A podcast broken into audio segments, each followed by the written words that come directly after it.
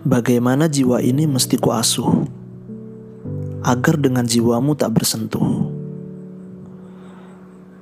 Bagaimana lambungkan jiwa, lintasi jiwamu ke lain dunia. Ingin kusimpan ia di satu tempat yang telah sirna di gelap pekat. Dalam sembunyi, di mukim sunyi yang tiada terus-menerus menggema kala gentas suaramu melanda. Namun, segala sentuhan memadu kita. Kau dan aku bagai penggesek biola.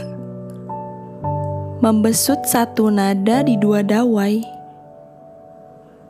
Kita gerangan terentang di mana? Siapa gerangan mainkan kita? Oh, manisnya. Lagu Cinta Rainer Maria Rilke Diterjemahkan dari bahasa Jerman oleh Bertolt Damzauser dan Agus R. Sarjono.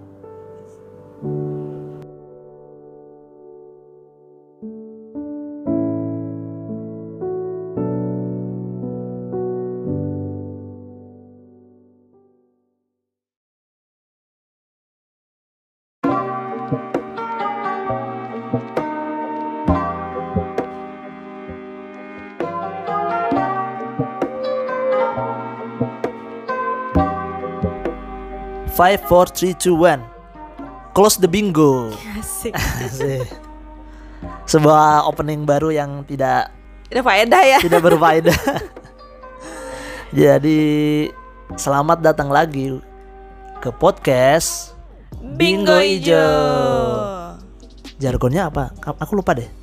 Apa sih nama Eh, jargon? Berdua di rumah Ngobrolin JKT48 Oke Mohon maaf ini udah lama banget nggak podcast Iya. Nggak record podcast Mm. Episode terbaru kita pun sebenarnya itu stok episode lama yang dikeluarin Betul Eh, Mumpung ini feel-nya lagi eh, di tengah rintik hujan Oke, jadi ada sayup-sayup suara rintik hujan sedikit. Ya, tak apalah biar menambah. Nah, Bentar lagi lewat kok sate padang ya Pakai jas hujan dia ya.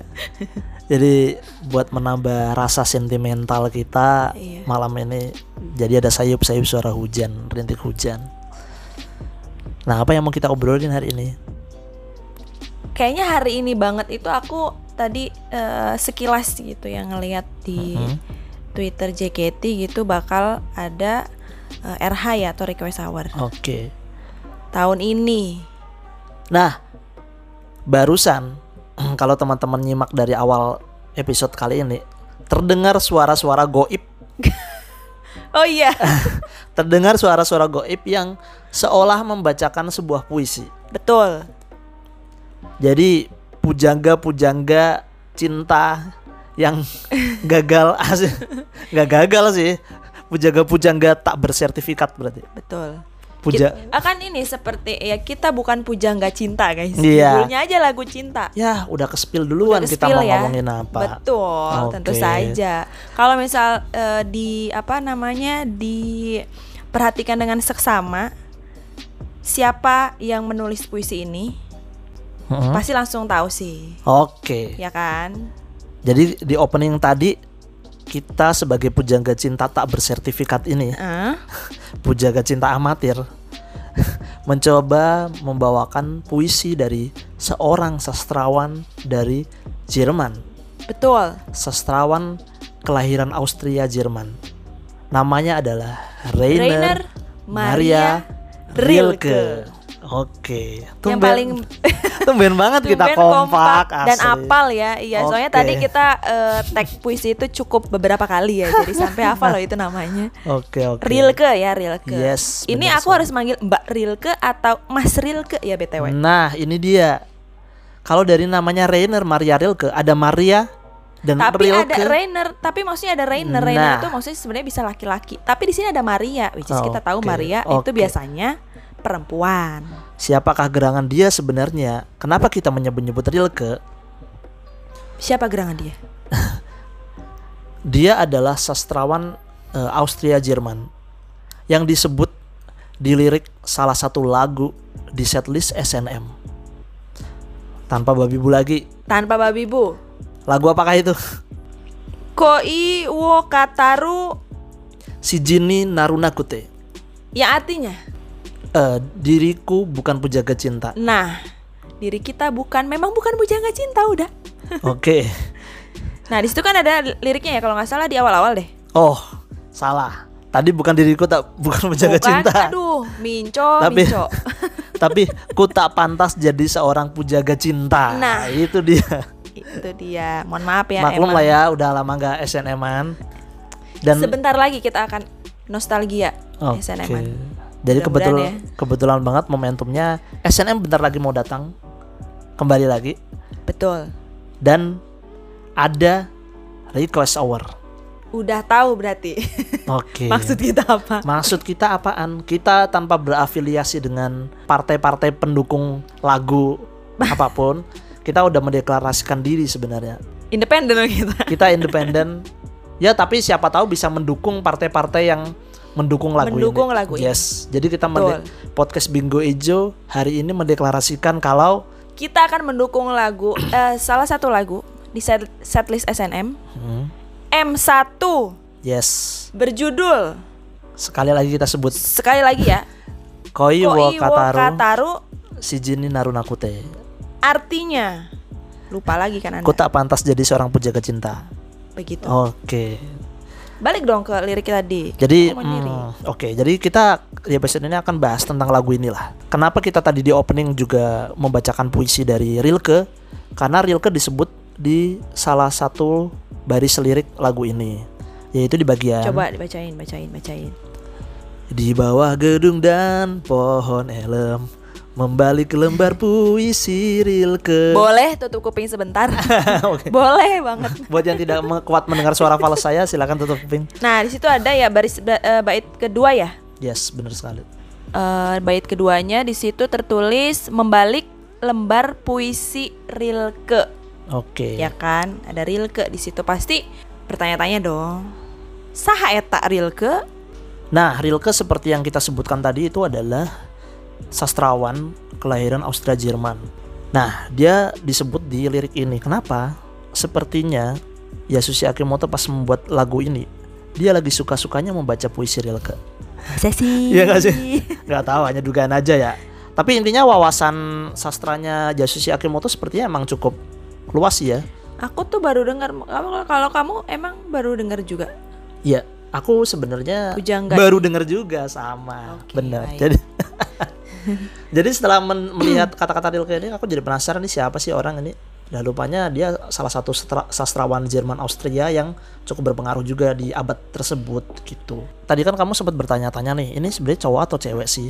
Oh iya, Ya. Jadi Rilke ini sebenarnya dia cowok. serius. Memang cowok. Dia adalah Memang cowok. cowok. Yes, benar sekali. Dia dilahirkan eh, oleh seorang ibu yang bernama Sofia Ens. Jadi kita sedikit merunut biodatanya sebentar ya. Oke. Ia dilahirkan dengan nama Ren Karl Wilhelm Jonan susah juga namanya. Ren Karl Wilhelm Johann Joseph Maria Rilke yang daerah kelahirannya saat itu tuh eh, merupakan wilayah Austria Hungaria. Dia dilahirkan oleh ayah bernama Joseph Rilke dan Sophie Ens. Nah, ibunya ini yang Sophie Ens ini itu memiliki eh, apa ya semacam traumatik atau depresi karena anak perempuannya meninggal. Oh gitu. Dia eh, anak perempuan itu adalah kakaknya Rilke. Oke. Dia meninggal. Mm-mm. Makanya ketika Rahel Rilke dia sering mendandani Rilke dengan pakaian perempuan ketika ia masih muda. Hai. Jadi kayak kebayang. eh, depresi dan sehingga ibunya tuh kayak meng- masih menginginkan anak perempuan gitu, tapi jadinya pelampiasannya ke Rilke. Mm-mm. Makanya namanya pun ketika setelah kematian kakaknya perempuan itu, ketika lahir namanya dikasih Maria Rilke juga. Eh, di situ nggak disebutin ya nama kakaknya itu emang ada Marianya. Hmm, aku kurang tahu deh nama kakaknya Oke. siapa aslinya. Hanya disebutkan kalau Tap- misal Oke. kalau misal kakaknya tuh perempuan gitu. Tapi di sini tuh Rilke berarti nama bapaknya ya? Ya, nama, belakang ya? Maksudnya nama marga. keluarga gitu. Yes, nama marga. Marga. Oh, baiklah. Jadi dia dikasih kata nama Maria Rilke. Maria kan seperti perempuan kan. Iya. Nah kemudian tuh sebenarnya eh, Rilke pokoknya sepanjang perjalanan hidupnya dia punya ketertarikan di sastra, seni, filsafat. Singkat cerita tuh sampai pergi ke Jerman, ke Munchen kayak gitu. Dari kota kelahirannya pergi ke Munchen, pergi ke Prancis.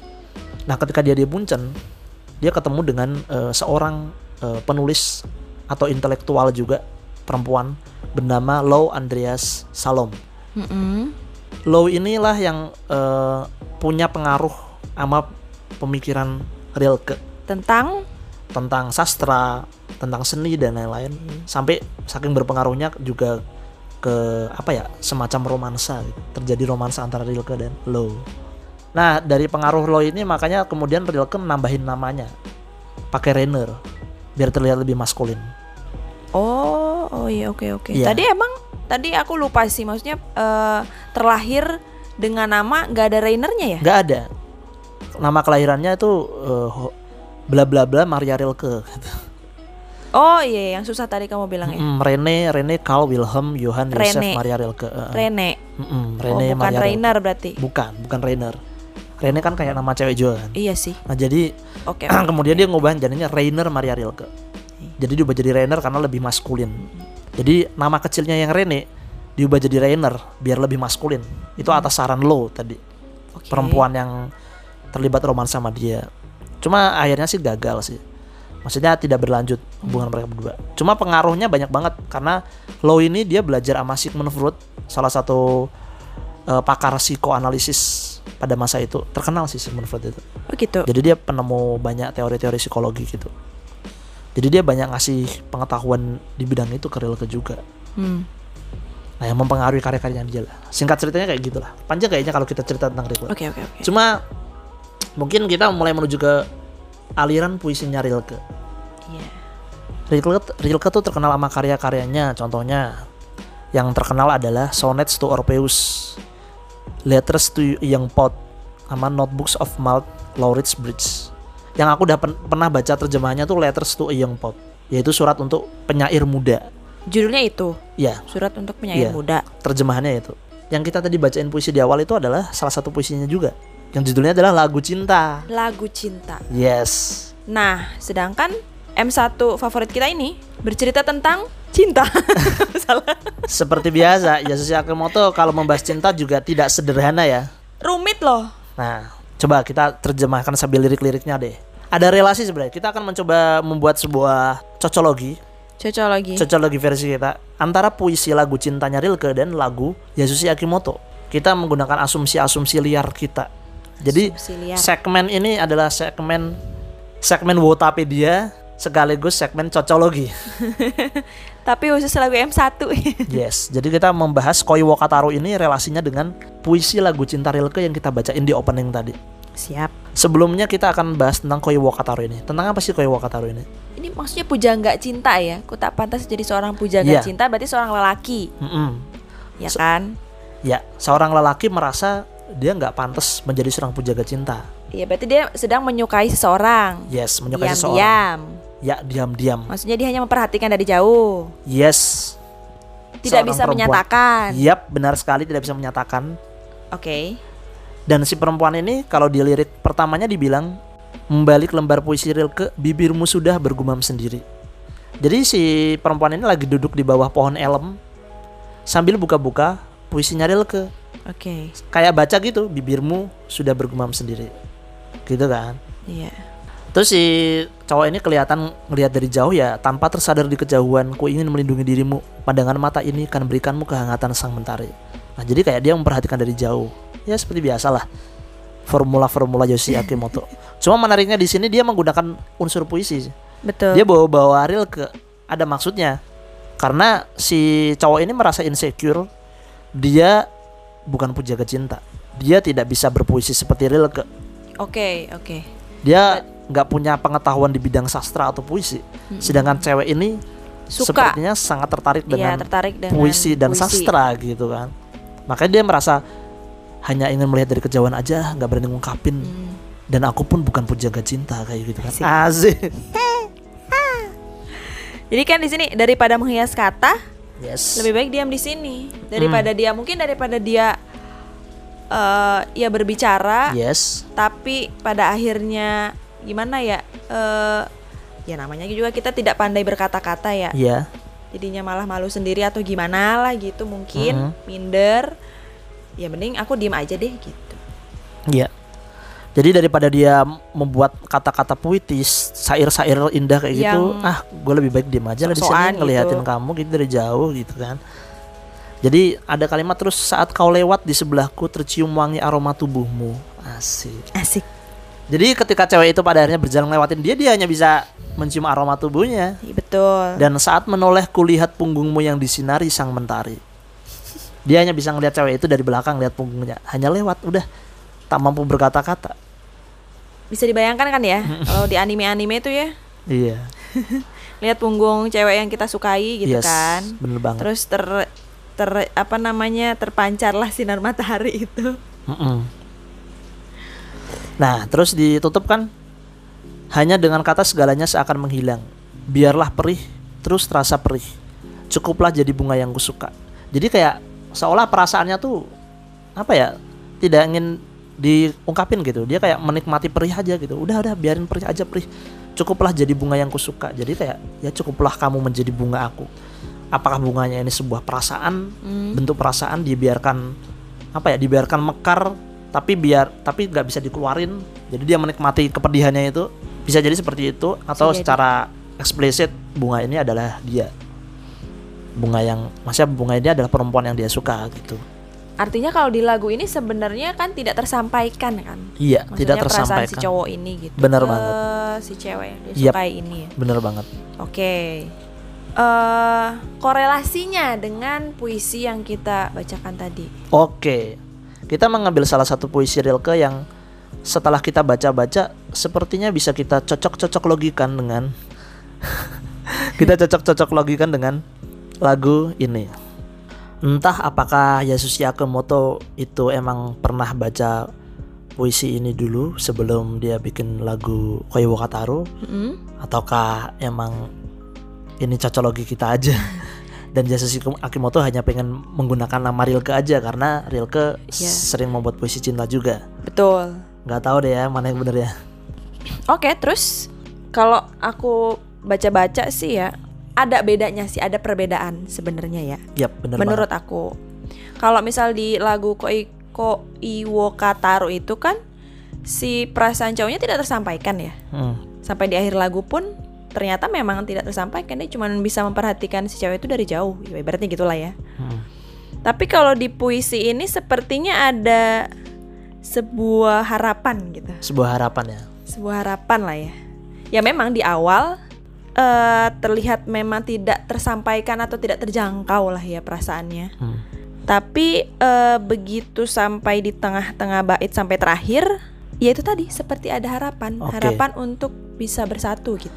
kalau tadi kita udah membedah Koiwa Kataru mari kita coba lihat eh, isi dari puisi lagu cinta ini Oke. jadi lagu cinta ini eh, judul aslinya Liebeslied Liebeslied. ya Liebeslied ditulis sama Rainer Maria Rilke dalam bahasa Jerman dan yang kita bacakan tadi sebenarnya adalah versi terjemahan dari bahasa Jermannya Oke. diterjemahkan oleh Bertolt Damsauser dan eh, penulis Indonesia namanya Agus R Sarjono Mhm. jadi mungkin eh, versi bahasa Indonesianya ini eh, disesuaikan dengan kondisi Indonesia lah ya dan disesuaikan dengan kultur kita dan disesuaikan dengan kondisi pada saat puisi ini diterjemahkan. Jadi mungkin beberapa kalau teman-teman mencoba nyari puisi aslinya dan tahu makna Jermannya atau bahkan ditranslate bahasa Inggris Betul. kemudian dibandingkan sama versi bahasa Indonesia itu akan ada beberapa hal yang berbeda sih. Tapi esensinya mirip. Oke.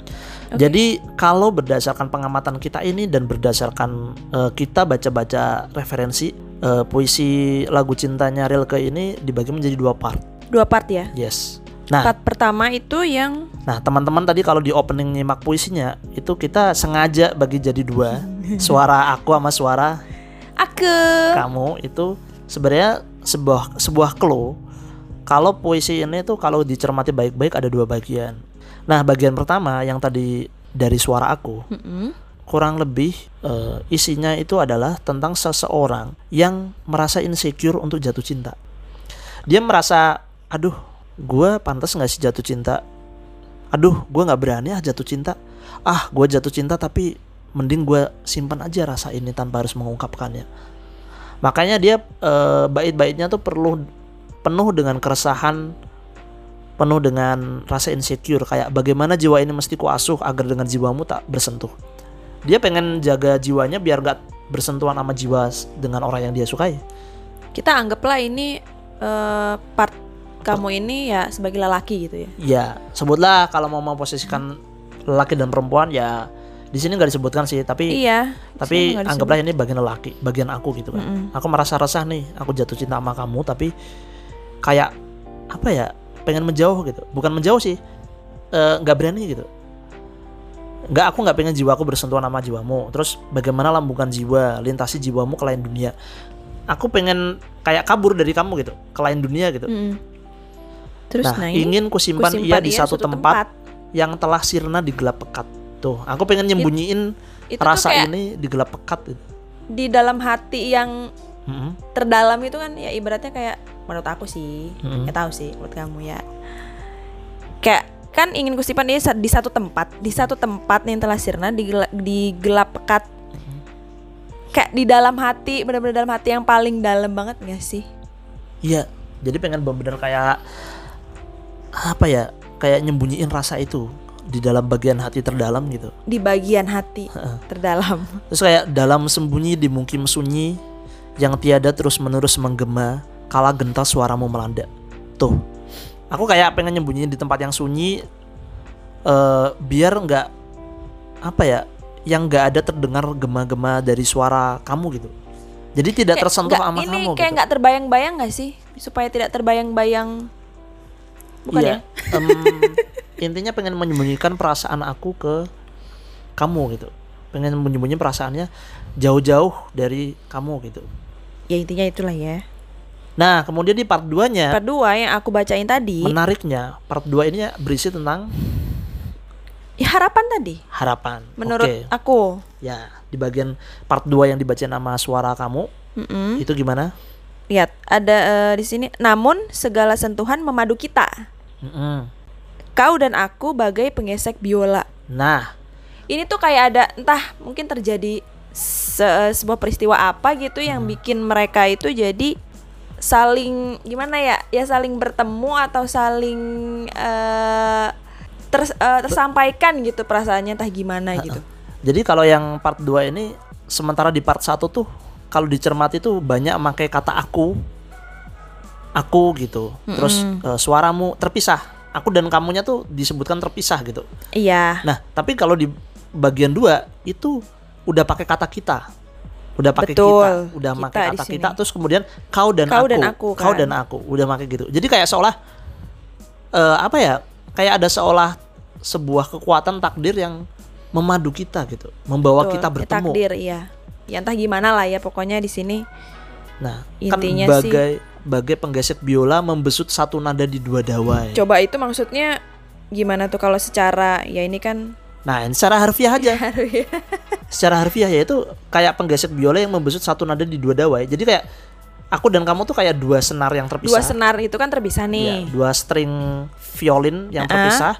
Tapi kalau digesek kalau misal di tring gitu membentuk satu nada. membentuk satu nada baik Bener baik banget. baik baik Jadi kayak ada apa ya keharmonisan antara aku dan kamu. harmoni ya Kemudian dia mempertanyakan, kita gerangan terentang di mana? Siapa gerangan mainkan kita? Jadi kayak ada sebuah kekuatan entah itu takdir, semesta atau Tuhan Mm-mm. yang memainkan kisah kita gitu. Oke, takdir yang mempertemukan mereka ya, Heeh. seolah-olah begitu ya. Iya, takdir yang kayak lu mau gimana pun nyembunyiin perasaan kamu, pada akhirnya takdir Pada menuntun akhirnya, kamu iya. bersama dia. Pada akhirnya kalau jodoh itu nggak ke mana guys. Yes. Bener banget. Terakhirnya langsung kan. Oh, manisnya. Manisnya. Jadi happy ending sih sebenarnya kalau kita baca ya di Yes. puisi ini. Nah Jad- bedanya itu. Jadi kalau terjemahan kalau aku translate dari versi bahasa Inggris sebenarnya itu eh, dari kata sweet song. Jadi sebenarnya Sweet the song. sweetest song. Lagu termanis. Oh, sweetest song. Sweetest. Sweetest song. Jadi kalimat oh manisnya tuh sebenarnya tertuju untuk oh lagu yang manis. Maksudnya gitu sebenarnya. Cuman entah kenapa yang versi bahasa Indonesia tuh ditulis oh manisnya. Oke. Nah, kalau kita pakai translate yang versi Inggris, oh lagu termanis nyambung.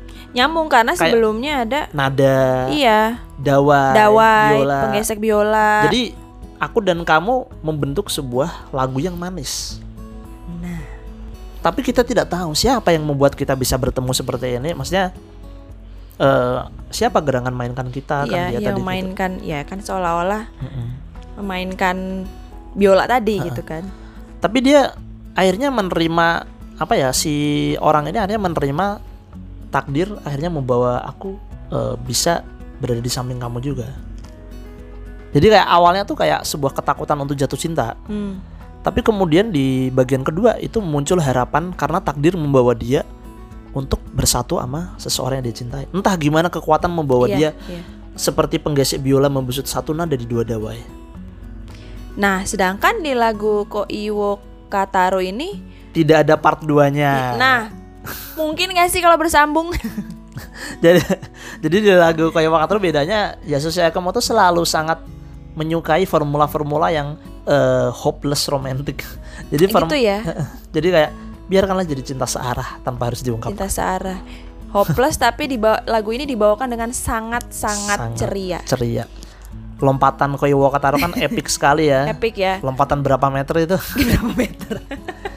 itu yang paling aku tunggu-tunggu dari Koyo Wakataro. Koyo Wakataro. Dan tentu saja aku paling suka dengan Isho di uh, lagu ini sebenarnya. Nah jadi cocologi antara puisi lagu cinta Rilke dan Koyo Wakataro Yasushi Akimoto Mhm. itu bisa dibilang ada relasi sedikit tentang ini lagu emang tentang cinta cuma yang Yasushi Akimoto lagu cinta tanpa Searah gitu ya, harapan tanpa harapan. yes tapi dia menikmatinya karena dia Menikmati ya. biarlah perih terasa. Biarlah gitu ya. sedangkan lagu cinta versi Rilke lagu cinta Itu. versi Rilke lagu cinta puisi Rilke ini Heeh.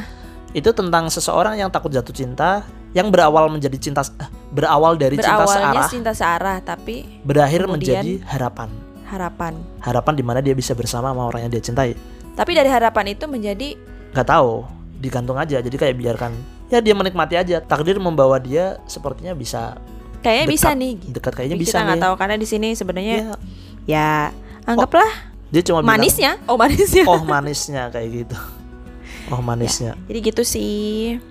nah kamu tadi kan di awal sempat nanya aliran Rilke tuh sebenarnya apa sih Oke betul. jadi Rilke ini terkenal karena dia eh, apa ya menciptakan sebuah gaya puisi yang dipopulerkan sama dia itu gaya puisinya adalah dinggedih Apalagi itu ding gede, ding gede, ding gede. kalau yang bisa bahasa Jerman nggak apa-apa kalau mau merevisi pengucapan aku ya Pronunciation-nya ya ya. guys. Dinggedih itu eh, kalau terjemahan bahasa Indonesia itu kurang lebih puisi objek Puisi objek objek. puisi objek jadi puisi objek ini tuh bedanya gini kalau secara harfiah diartikan sebagai puisi tentang benda atau objek tapi beda dengan simbolisme objek dalam digedih ini bukan sebuah medium metafora.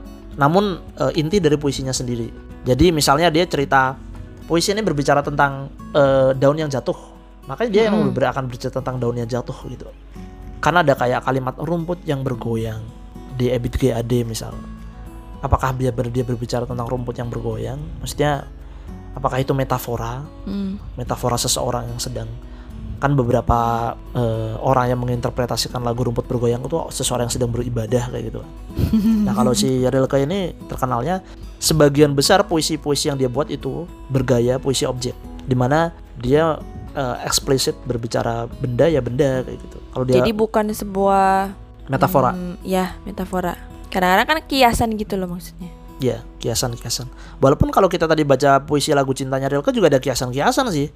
Ya khas puisi seperti itu deh. Eh, seperti dawai apa ya, ya? tadi yang dua apa, dawai yang eh, di ini seperti penggesek biola. nada. Bener. Makanya aku jadi nggak tahu ya ini berdasarkan referensi kita emang Rilke mempopulerkan puisi objek. Mungkin ada beberapa karyanya juga yang sebelum dia menemukan bentuk puisi objek mungkin ada bentuk yang lain kayak gitu. Tapi dia terkenalnya karyanya itu sih. Jadi seperti itulah kita bicara tentang Rilke dan Koyo Wakataro. Koi Wokataro. Relasi antara Koyo Wakataro. Jadi teman-teman yang dengerin ini jangan lupa Azik kita malah jadi promosi lagi. Ya, nanti eh, pas SNM udah tayang tayang gak tuh Tayang. tonton dulu aja Tonton dulu aja. Kayaknya request hour sampai tanggal berapa sih? Aku lupa. eh nggak tahu deh belum eh, baca detail tadi Mm-mm. Jadi seru kok SNM itu seru tapi waktunya masih lumayan panjang lah hour. Baru dimulai aja kayaknya. Kema- Oh. Kemarin aja baru baru boleh dimulai votingnya aja. Kemarin apa hari ini ya? Ya Aku kan pokoknya. baru baca hari ini Oke, berarti dan kita juga nggak tahu SNM itu kapan kan iya.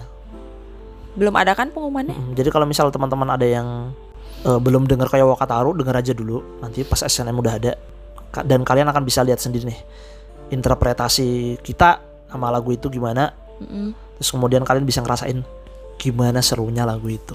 Beneran seru banget.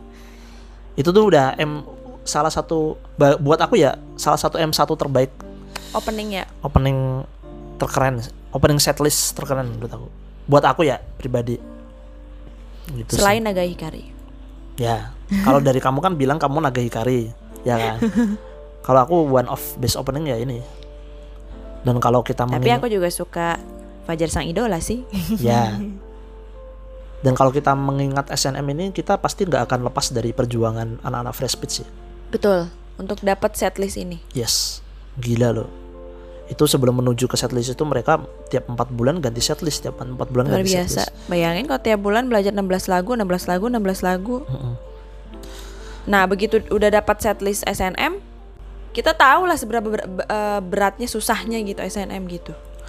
Tapi seringnya SNM dijadiin kambing hitam sama beberapa orang kalau ini karena. penyebab ini setlist petaka gitu. Penyebab sedih cedera banget. Eh, jujur aja dari pandangan aku sih ini emang setlist yang berat. Karena latihannya pun berat. Hmm. kelihatan dari gerakan-gerakannya pas kita nonton wah gokil.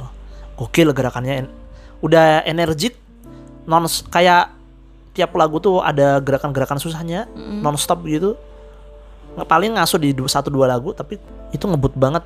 M1 M4 aja udah ngos-ngosan banget itu kelihatan. Iya. Ya emang secara gerakan emang kelihatan berat sih. Tapi belum tentu ini emang setlist yang menyebabkan cedera belum tentu. Kita bicara sama data aja deh. Ini aku ngumpulin data dari eh, salah satu fans JKT yang bernama Abi Bris apa tuh apa tuh? Nah, gini ya dia tweetnya eh, saya berharap tim T akan membawakan Seifuku no Mi lagi. Berikut adalah rekap yang saya susun dari beberapa sumber seperti Toyo Hive, Jisobis, Stage 48 mengenai member yang graduate atau resign selama setlist SNM berjalan. SNM, mm-mm. HKT48 tim K4 sampai sekarang masih membawakan SNM dengan tidak ada member resign atau graduate akibat cedera. HKT48 Oke. itu bawain SNM sampai ini tweet tahun 2020 sih. Sampai tahun 2020 tuh mereka masih bawain SNM tanpa ada member recent graduate akibat cedera tapi maksudnya ada yang cedera gitu emang? Ntar dulu. Nah ini datanya ada kalau misal bisa dilihat dari sumber-sumber tadi tuh di HKT48 emang member-membernya nih ada 6 member yang graduate selama SNM dibawakan. Mm-mm. sekitar 6 member. Itu penyebabnya bukan karena cedera. Oh gitu. HKT48 ada datanya. Nah kemudian SK SKI48 tim S membawakan SNM sebanyak dua kali dengan dua member graduate akibat cedera. Jadi bahkan SN SKI48 bawain sampai dua kali. Dua kali ya? Jadi kayak rebound gitu. Mm-mm. udah bawa, pernah dibawain berapa tahun terus kemudian dibawain lagi. Bawain lagi. Sampai dua kali. Nah tapi perlu diketahui eh, dari dua member yang cedera itu Hiramatsu Kanako cedera akibat jatuh dari ketinggian 2 meter ketika private hours private hours Mm, jadi bukan karena SNM-nya, tapi karena cedera yang lain. Hiramatsu Kanako cederanya karena itu. Mm-mm. terus yang satu lagi Yui Matsushita. Satu lagi Yui Matsushita itu cedera, cedera kedua ankle-nya. karena Nah, karena karenanya ini nggak tahu apakah karena SNM atau enggak. Tapi bisa jadi bisa jadi mungkin karena SNM juga. Tapi itu satu orang member Oke. mungkin yang terpengaruh. Dari dua itu yang satunya cedera bukan karena SNM. Yang satunya Tapi bisa jatuh. jadi karena SNM. Dia cedera di kaki.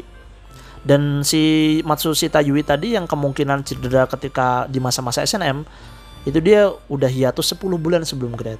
hiatus 10 bulan Mm. Jadi menurut teman kita ini Abibris SN SNM adalah setlist paling dinanti bagi fans tim T, khususnya karena sangat sakral perjuangannya. Yang perlu dilakukan adalah kesiapan mental dan fisik yang matang. Nah itu dia. bener sih Mm. Itu kalau kita mencoba berdasarkan data ya. Atau kalau teman-teman punya data yang lain yang lebih akurat atau bisa menyanggah dari data dan pendapat ini, gak apa-apa silakan aja nanti mention kita. Selain itu ada juga data dari JKT48 sendiri. Hmm. Ini dikumpulkan oleh eh, fanbase-nya Vanka, Vanka Defender. Lala itu cedera waktu Idol no Yoake karena belum kebiasa pakai heels sepatu tinggi buat nari. Oh, Nanda jus- oh justru pas di INY ya? INJ justru pas INJ dia. Dia kan pernah Oh. ngomong dia ngomong sendiri emang aku juga pernah lihat. Terus kemudian Nanda jatuh pas teater Nomigami dia udah mulai pakai deker dari zaman TNM Oh gitu. Puci mulai terasa pas TWT tapi disikat persiapan fisik untuk SNM makin nah, parah. Iya, betul benar-benar. Puci nggak mau ngebebani member lain dengan nggak perform jadinya tetap sikat ngedance walaupun lagi cedera dipaksain Dipaksain. Akhirnya malah makin parah. Mm-mm. Jadi dia udah cedera sebelum SNM tapi dipaksain. Jadi ya itu seharusnya mungkin bisa dijadiin apa ya pertimbangan untuk JOT untuk lebih memperhatikan kondisi member sebelum bawain sebuah setlist ya. Mm-mm. Ngecek Mungkin fisik bisa mereka. dicek dulu atau kalau emang ada yang cedera bisa di ya entah itu fisioterapi atau apalah gitu ya. Terus melatih sejak Boku no Tayo. Boku no Tayo. Mm. Jadi pas persiapan SNM latihannya melatih udah disesuaikan supaya cederanya nggak semakin parah. Mm-mm. Udah disesuaikan sebenarnya kalau yang melatih ya. Jadi udah cedera dari BNT. Jadi kalau kita lihat-lihat malah sebenarnya dari member JKT eh, nggak ada yang terjadi di waktu Eh, SNM. SNM ya. Bener. Jadi biasanya cedera yang sebelumnya udah terjadi, Mm. cedera yang eh, ada ketika setlist sebelum-sebelumnya nggak ditangani dengan benar, akhirnya eh, akumulasi parahnya pas Mm-mm. bawain SNM. Iya. Nah itu yang Maksudnya paling penting itu. Banyak juga member lain juga maksudnya kan dia nggak ya nggak kenapa-napa juga gitu maksudnya.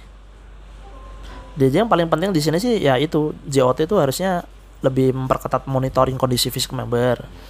Rutin lah ya gitu maksudnya kan ya siapa tahu nggak ada yang ada yang nggak ngomong atau Ya. mungkin tidak dirasa atau mungkin apa kan nggak Nah. nggak tahu ya. Poin selanjutnya adalah member harus eh, menjaga komunikasi yang baik sama JOT. Jadi komunikasi itu harus terjalan di mana kalau member merasa ada yang nggak beres atau apa harus dikomunikasiin. Iya. Jangan sampai itu miss. gitu. Jadi dari pihak membernya pun harus ada disiplin tentang itu sih. Disiplin secara pemanasan, latihan, Hmm. fisik dan juga komunikasi ke JOT. Kalau misal ada problem-problem terkait fisik mereka gitu kan. Itu penting banget sih. Kayaknya hal-hal itu yang seharusnya lebih baik dipikirin jadi solusi daripada cuma ngeban-ngeban setlist gitu. Ya apalagi sekarang kan jumlah membernya juga kan eh, jauh lebih sedikit gitu ya. Mm-mm. Ya artinya jam terbang mereka akan Ya, benar lebih sekali. banyak. Benar sekali. Kayaknya sudah cukup sekian kita ini Udah cukup panjang. selain bahas Bahas- Wakataru, kita malah bahas SNM juga. iya, nggak bisa dilepasin lah antara Koi Wakataru sama SNM lah, pasti. Oke. Intinya sih Mm. tonton aja dulu. Jadi kalau buat teman-teman yang belum nonton SNM, silakan nanti kalian rasakan gimana kerennya setlist ini. Ini kita secara opini kita aja sih. Mm. Ini one of best setlist. Ya walaupun Jujur ada aja, jujur. beberapa lagu lain juga yang aku suka sih di SNM. Oke. Terus rasanya kenangannya tuh cukup dalam karena dulu dapetin seri SNM tuh perjuangannya ya bayangin aja itu member-member tim T Fresh Speed pada saat itu empat bulan sekali ganti setlist. Hmm. latihannya kayak gimana coba? Fisiknya gimana digeber kayak gitu? Dan titik kulminasinya titik puncaknya terjadi di SNM Ya, ya akhirnya SNM malah yang disalahkan. Malah SNM yang disalahkan kayak gitu kan. Dari perjuangan yang berdarah-darah itu sampai dapat SNM tuh keren banget sih untuk membuktikan diri ya pembuktian diri dari tim Fresh Speed saat itu ya Tapi kita yakin 33 member yang sekarang ini bisa lah. bisa lah bisa, Bisa. sih. pasti udah ada experience sebelumnya dari JOT juga dari member gimana cara menangani SNM ini dengan baik biar Iya. nggak ada yang fisiknya kena gitu kan Hmm. harusnya sih udah ada evaluasi di situ ya Oke. Jadi sekali lagi kita akan mempromosikan lagu Koi wo Kataru si Jinin Narunakute di request hour. Ayo teman-teman yang punya tiket vote dukung lagu ini. Kita dengan tulus mendukung lagu ini. Jadi apa ya? Tanpa di endorse kita nggak di endorse partai mana-mana tapi kita support jadi untuk fanbase fanbase juga yang pada mendukung lagu ini kita dukung juga kita support juga kita membuat episode ini khusus tribute untuk Koi Wakataru dan SNM Siap. Siap. Ah, karena momentumnya pas ada request hour dan mau SNM SNM reborn. SNM Reborn gitu jadi sampai sini saja sepertinya dari kamu ada lagi Udah sih. pesan-pesan motivasi dari kamu untuk Pesan-pesan motivasi. cukup lah cukup. cukup ya Hmm. Oke teman-teman bala bingo vote Koyo Wakataru ya jangan lupa ya promosi habis Yuk, Sampai- bye bye. sampai jumpa di episode selanjutnya